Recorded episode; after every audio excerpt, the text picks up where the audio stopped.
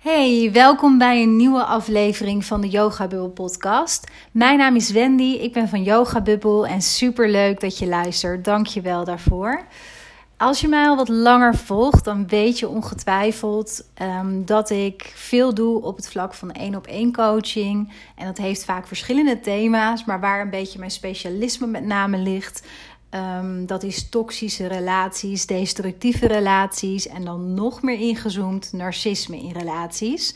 En dat kan gaan over romantische relaties, maar het kan ook betrekking hebben op uh, de relatie met je ouders, bepaalde familiestructuren waarin dit terugkomt, maar zelfs vriendschappen of uh, binnen het werkveld, dus je werkgever of collega's. Um, het is alleen wel zo dat romantische relaties over het algemeen vanwege de intimiteit die ze hebben, veel meer die verstrikkingen echt laten zien. Dus dat is wel waar ik mezelf met name mee bezighoud. En naar aanleiding daarvan um, praat ik dus ook heel erg veel met vrouwen over relaties, over waar ze tegenaan lopen, over waarom bepaalde relaties maar niet lijken te lukken. Uh, en dan doe ik wel even op romantische relaties. En naar aanleiding daarvan had ik deze week eigenlijk een heel uh, mooi, open en eerlijk gesprek met uh, een volger van mij via Instagram. En zij stuurde mij een berichtje naar aanleiding van een story die ik had geplaatst. En dat ging over verlatingsangst en bindingsangst. Want dat zijn elementen die gewoon voor heel erg veel mensen, en dat is zowel voor mannen als vrouwen, maar ik richt me vooral op vrouwen, dus vandaar dat ik even vrouwen bij deze aanspreek. Het is voor heel veel vrouwen is dat enorm herkenbaar. Misschien denk je nu bij jezelf. Nou nee, dat heb ik niet. Uh, ik heb gewoon hele fijne uh, relaties of op dit moment een hele fijne uh, partner, een fijne relatie. Ik heb dat helemaal niet. Maar er zijn heel erg veel vrouwen die bepaalde patronen en structuren hebben vanuit hun verleden. Um, wat te maken heeft met een aantal angsten, overlevingsmechanismes. En een van die mechanismes is in relaties verlatings- of bindingsangst. Nou, dat gesprek wat ik met die volger had, zij benaderde mij en zij schetste een beetje haar achtergrond van de afgelopen jaren die ze uh, heeft qua relaties. En zij gaf daarbij ook aan dat het nu een aantal jaren geleden is dat haar laatste relatie was beëindigd. En dat ze daardoor, nu ze een aantal jaren alleen is, ja, ook een beetje met terugwerkende kracht is gaan kijken naar de andere relaties die ze heeft gehad. En voor haarzelf tot de conclusie was gekomen dat ze aan verlatingsangst leidt. Laat ik het even zo noemen. Dat ze dat bij zichzelf had gesignaleerd. En dat ze daar nu op een punt is in haar leven dat ze dat wil doorwerken en daar afscheid van wil gaan nemen. En zij stelde mij een vraag van ja, kan het ook zijn dat ik bijvoorbeeld verlatingsangst heb, maar eigenlijk ook bindingsangst heb? Nou, er kwam een leuk, mooi gesprek uit nogmaals. Dus dat is een beetje de aanleiding ook voor deze podcast. Omdat ik denk dat uh, het gesprek wat ik vervolgens met haar had, um, heel erg zinvol en waardevol kan zijn. Ook voor meer mensen, voor jou als je dit luistert. Uh, omdat de dynamiek van verlatingsangst en bindingsangst nou eigenlijk helemaal niet zo ingewikkeld is. Als je een beetje weet hoe het in elkaar zit, als je dat echt snapt. Uh, maar het kan in beginsel wel wat complex lijken. Dus um, ik wil heel erg graag in deze podcastaflevering daar wat meer helderheid in scheppen. Uh, vanuit de ervaring die ik dus heb in de coaching, maar ook mijn eigen persoonlijke ervaring. Want het is niet voor niets dat ik deze uh, dynamiek natuurlijk heel erg goed begrijp. Um, even heel klein stukje, uh, klein stukje achtergrond persoonlijk over mij.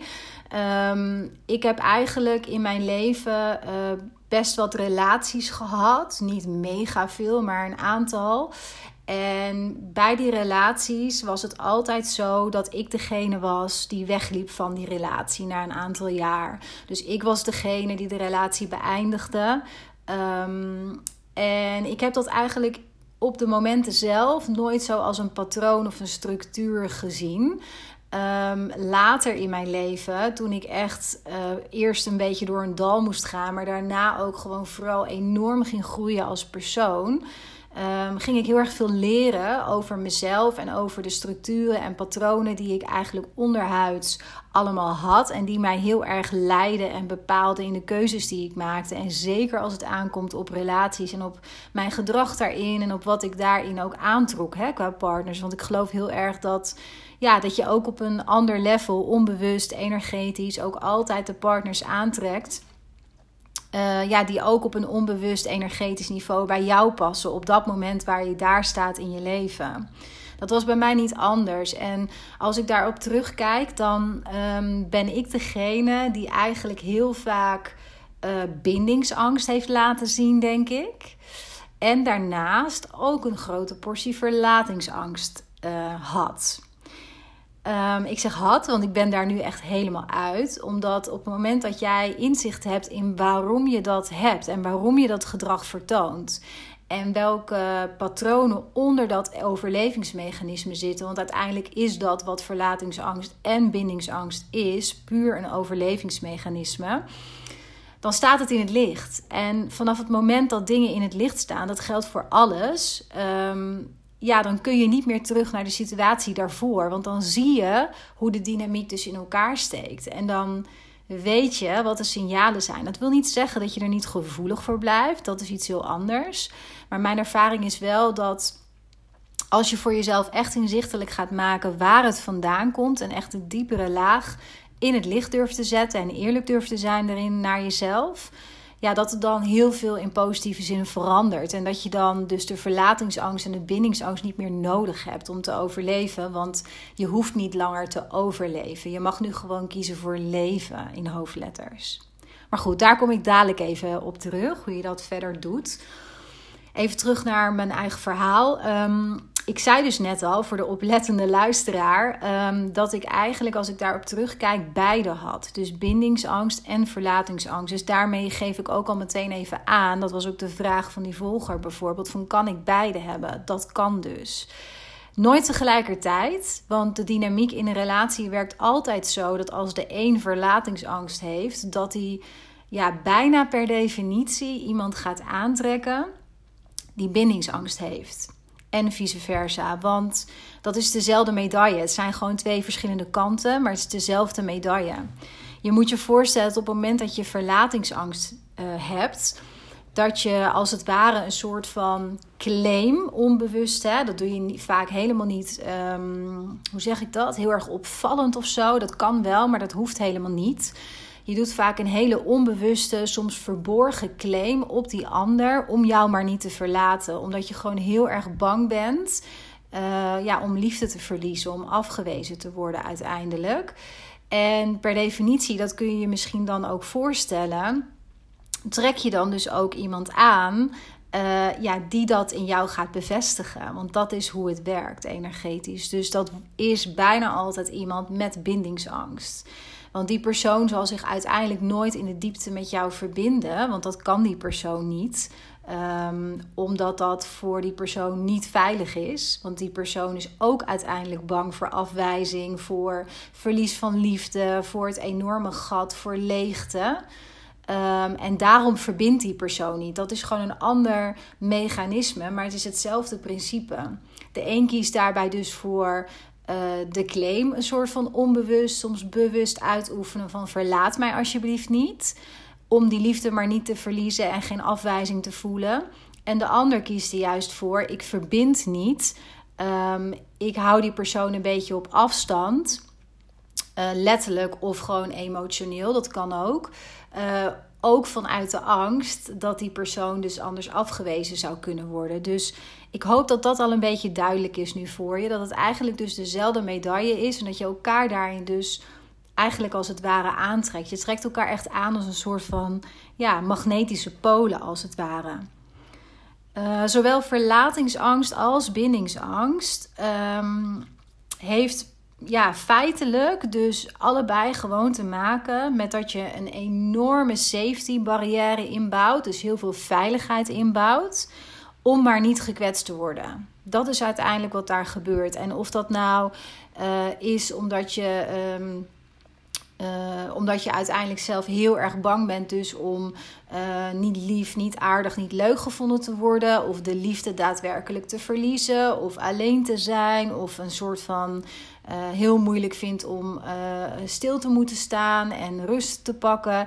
Dat zijn allemaal uitingen ervan, kleine uitingsvormen. Maar uiteindelijk gaat het erom dat je een hele grote veiligheid inbouwt voor jezelf, om dus maar niet gekwetst, gekwetst te worden.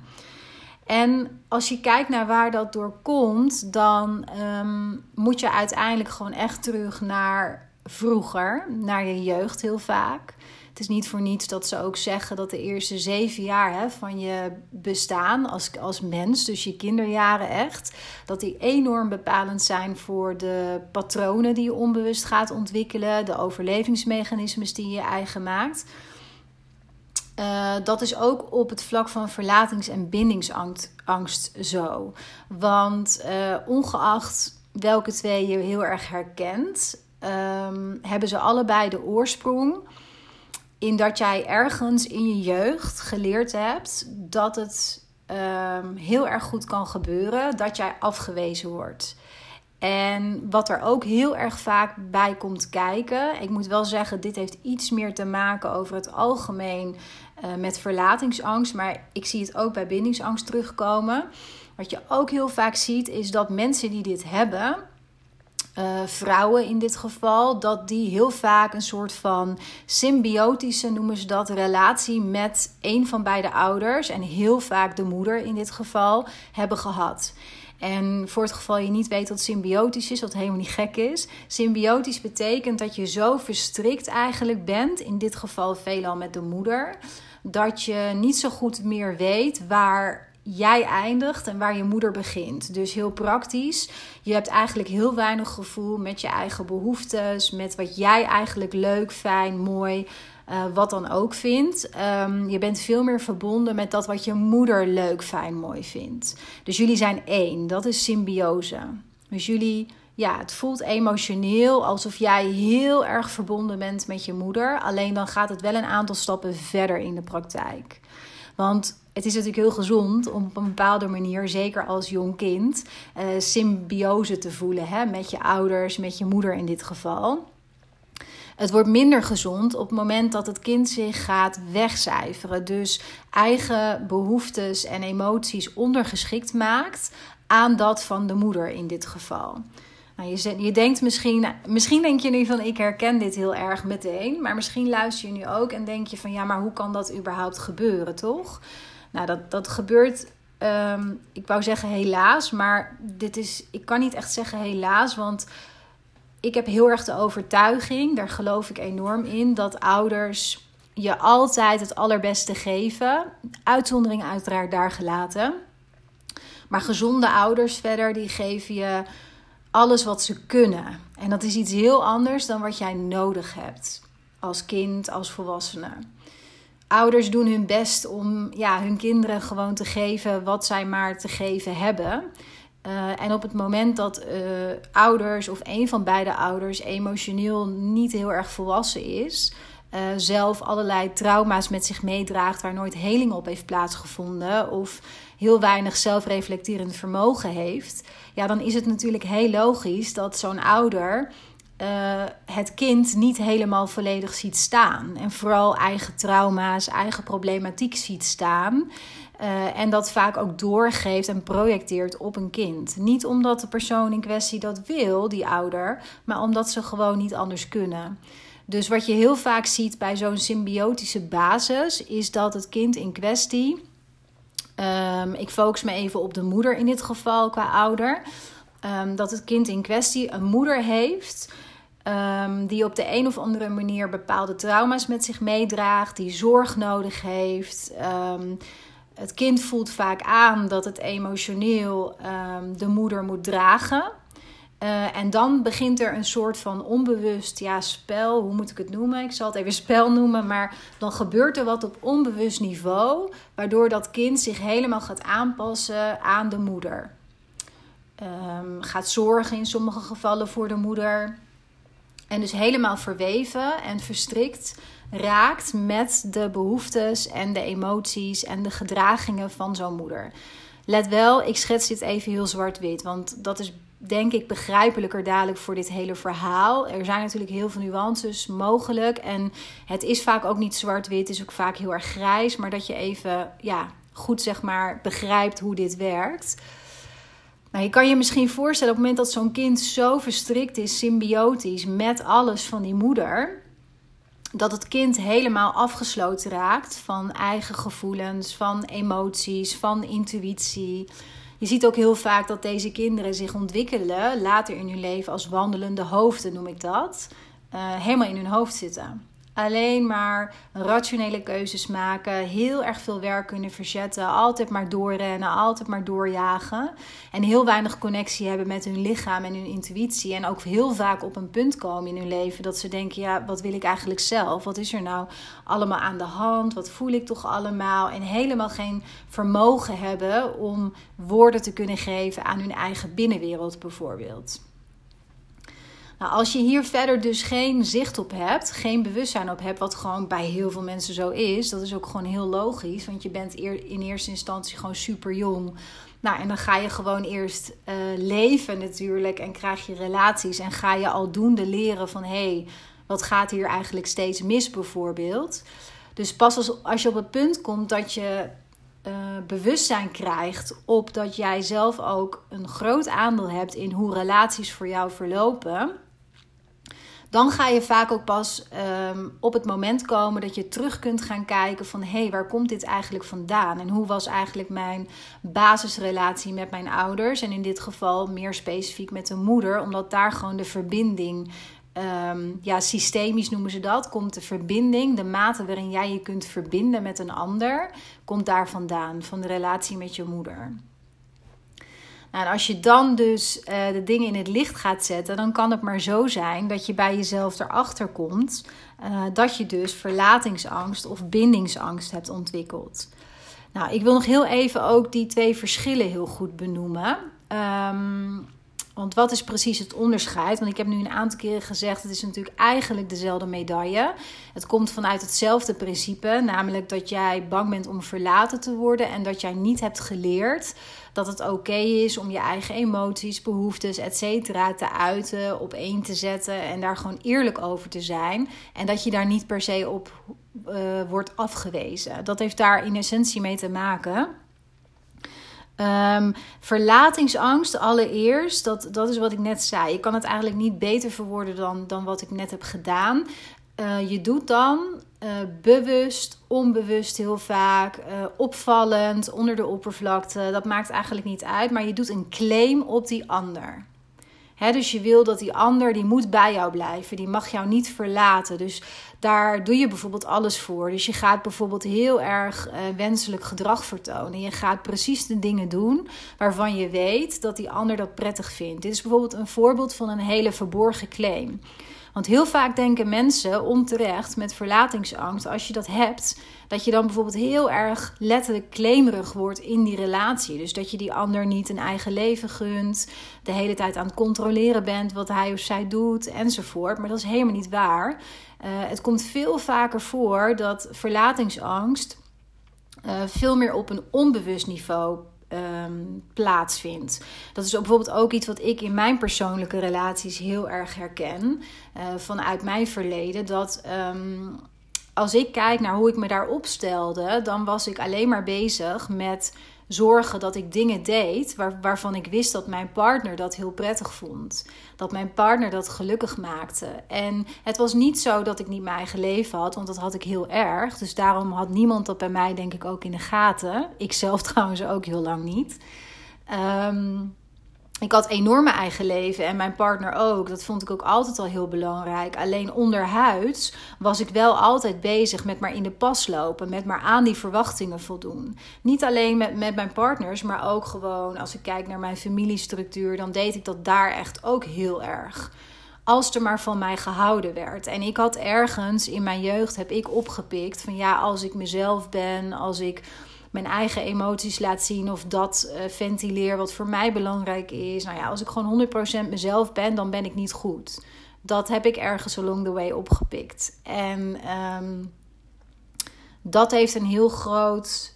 Uh, hoe zeg ik dat? Dus als een hele grote rode draad is dat door mijn relaties gaan lopen. Waardoor ik me eigenlijk onbewust heel afhankelijk ben gaan opstellen van mijn ex-partners. Uh, en op een bepaalde manier dus verlatingsangst had. Ehm, wat voor mij vooral tot uiting kwam, in dat ik me dus bleef vastklampen, ook aan relaties die uiteindelijk al helemaal niet meer goed voor mij waren. Want dat is wat je doet als je verlatingsangst hebt. Dan ga je steeds weer meer het bij jezelf zoeken. Dan ga je bijvoorbeeld ook bepaald niet zo heel gezond gedrag in de relatie van die ander. Ga je goed praten, zodat je maar niet verlaten hoeft te worden en ook maar niet alleen hoeft te zijn. Omdat dat ja, een soort van enorme doodsangst is. Dus dat even over verlatingsangst. Ehm, bij bindingsangst um, gaat het dus ook om het creëren van een soort van safe zone waarin je niet helemaal jezelf eigenlijk bent, maar dan vanuit de kern dat je niet verbindt. Dat doe je met verlatingsangst overigens ook niet, hè? want je laat nooit helemaal jezelf zien. Want denk daar maar eens over na. Op het moment dat jij de hele tijd doet waarvan je denkt dat die ander dat fijn vindt, in de pas loopt, aan verwachtingen voldoet, dus dat wenselijke gedrag laat zien, in hoeverre verbind jij je dan als persoon echt met die ander? Ja, ik denk helemaal niet eigenlijk, omdat je je laat gewoon een bepaalde kant van jezelf zien. En dat zal misschien wel een onderdeel zijn van je persoonlijkheid, maar het is maar een onderdeel. Jij bent meer dan dat. Alleen dat laat je niet zien omdat je bang bent om verlaten te worden. Dus ook daar gaat het een heel stuk over het niet verbinden vanuit jouw eigen kern met de kern van die ander. Goed, even terug naar bindingsangst. Bindingsangst gaat dus uh, qua uitingsvorm uh, veel meer over dat die ander jou uh, of dat jij, zeg maar, als je bindingsangst hebt, die ander op afstand houdt. Ook hiervoor geldt, er, er heerst een bepaald beeld over bindingsangst, dat dat dan heel zichtbaar is, omdat jij dus gewoon bijvoorbeeld niet wil samenwonen, of omdat je niet um, wilt trouwen, of omdat je een soort van andere alternatieve vorm relatie wilt. En dat wordt dan vaak gezien als bindingsangst, terwijl in mijn ervaring, naar mijn ervaring, is het veel vaker ook een soort van ja, onder de oppervlakte laag.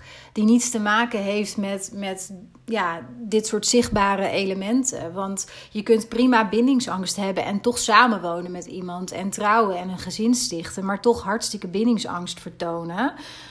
Um, en dat uitzicht dan veel meer dat je uh, onderhuid niet echt helemaal kiest voor die persoon.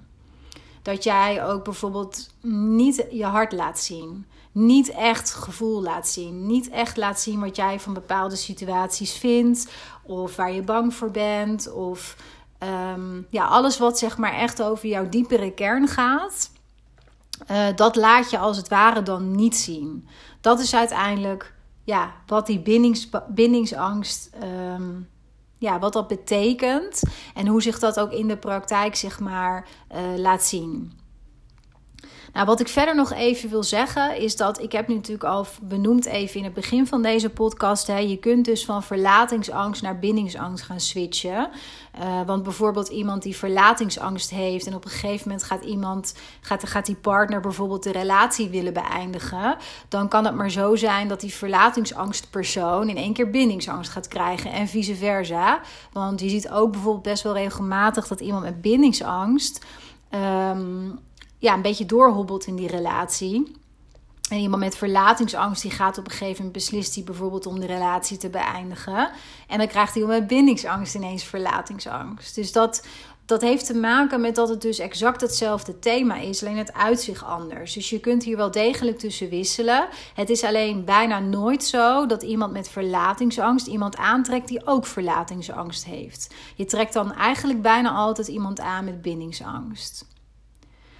Nou, waar jij ook staat in deze twee um, verschillende vormen, of misschien luister je deze podcast niet zozeer omdat je denkt dat je een van beide hebt, maar vind je het gewoon interessant. Omdat je bijvoorbeeld op zoek bent naar een, een gezonde, mooie relatie voor de toekomst.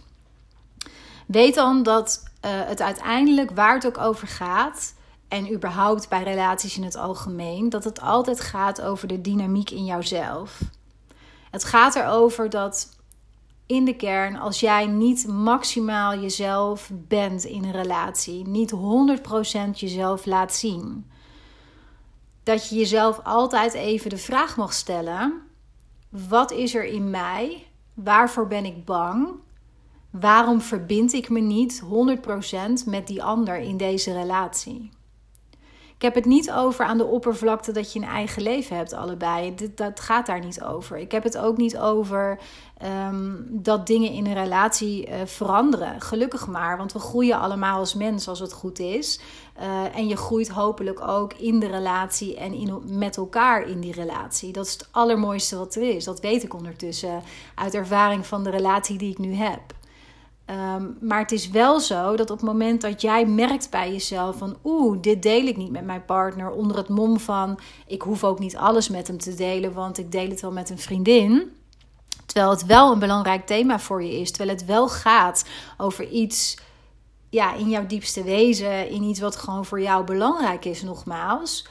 Dan mag je jezelf echt de vraag stellen van waarom verbind ik me hierin niet met mijn partner? Dat is echt een interessante vraag. En het antwoord is soms gewoon doodeng. Dat begrijp ik heel goed, als geen ander. Maar als jij echt toe wilt naar een gezonde, liefdevolle, warme relatie. waarin je echt jezelf kunt zijn. Wat uiteindelijk het allermooiste is wat er is. Uh, wat ook zoveel rust geeft, zoveel veiligheid ook in die relatie. En het is zo fijn. Uh, dat ik, ja, ik gun dat echt iedereen. Dan zul je wel gewoon naar de kern moeten van jouw patroon jouw patroon in relaties, de rol die je daarin aanneemt, de keuzes die je daarin onbewust ook maakt. En daarvoor moet je dus altijd naar die dynamiek in jezelf, naar die diepere angst die in jouzelf wellicht zit, om verlaten te worden, om niet goed genoeg te zijn, om afgewezen te worden. Um, ook een stuk weer dat symbiotische, hè, van de angst ook naar jezelf te gaan, naar je eigen behoeftes, terwijl je dat misschien nooit echt geleerd hebt. Ik kan je wel hier ook over zeggen, um, dat is natuurlijk ook met alles wat spannend is in het leven of ronduit eng. Vaak is hoe je er tegenaan kijkt van tevoren, is echt tien keer zo eng dan wat de situatie uiteindelijk is. Soms moet je gewoon de eerste sprong maken en moet je gewoon in stilte met jezelf gaan zitten of eerlijk het antwoord voor jezelf opschrijven. En gewoon gaan ervaren wat dat met je doet. En dan zul je merken dat de situatie zelf vaak veel minder eng is dan dat je dacht van tevoren. En uiteindelijk is het ook zo, als je dus naar die mooie, gezonde, fijne relatie toe wilt, waarin je helemaal jezelf kunt zijn, ja, dan zul je gewoon de oude lagen van je af mogen slaan, als het ware, en gewoon ook helemaal jezelf mogen zijn. Nou, ik hoop dat je dit um, interessant vond. Mocht je iets herkennen van verlatings- of bindingsangst, dan hoop ik dat dit je wat ja, duidelijkheid heeft gegeven over de verschillen ertussen, ook over de overeen, overeenkomsten. Ehm, ik hoop ook dat je er wat praktische tips wellicht uit hebt gehaald. En ik hoop vooral ook dat ik je heb kunnen inspireren en heb kunnen laten voelen via mijn stem, via die podcast. Ehm, ja, dat, dat jij gewoon verdient dat je relaties hebt waarin je 100% jezelf bent. Waarin je jezelf uit, waarin je jezelf laat zien, waarin je eerlijk deelt over alles wat voor jou maar belangrijk en van waarde is. Want dat is uiteindelijk gewoon de enige manier, de enige echte manier om echt te verbinden op gevoelsniveau met die ander. Nou, voor nu wens ik je een hele fijne dag wanneer je dit ook luistert. En ehm, mocht je vragen hebben, dan kan je me natuurlijk altijd even een berichtje sturen. Je kunt me volgen via Instagram onder yogabubbel. En anders kun je me natuurlijk ook altijd even mailen op wendy.yogabubbel.nl. Um, ik denk heel graag met je mee. Fijne dag en bedankt voor het luisteren.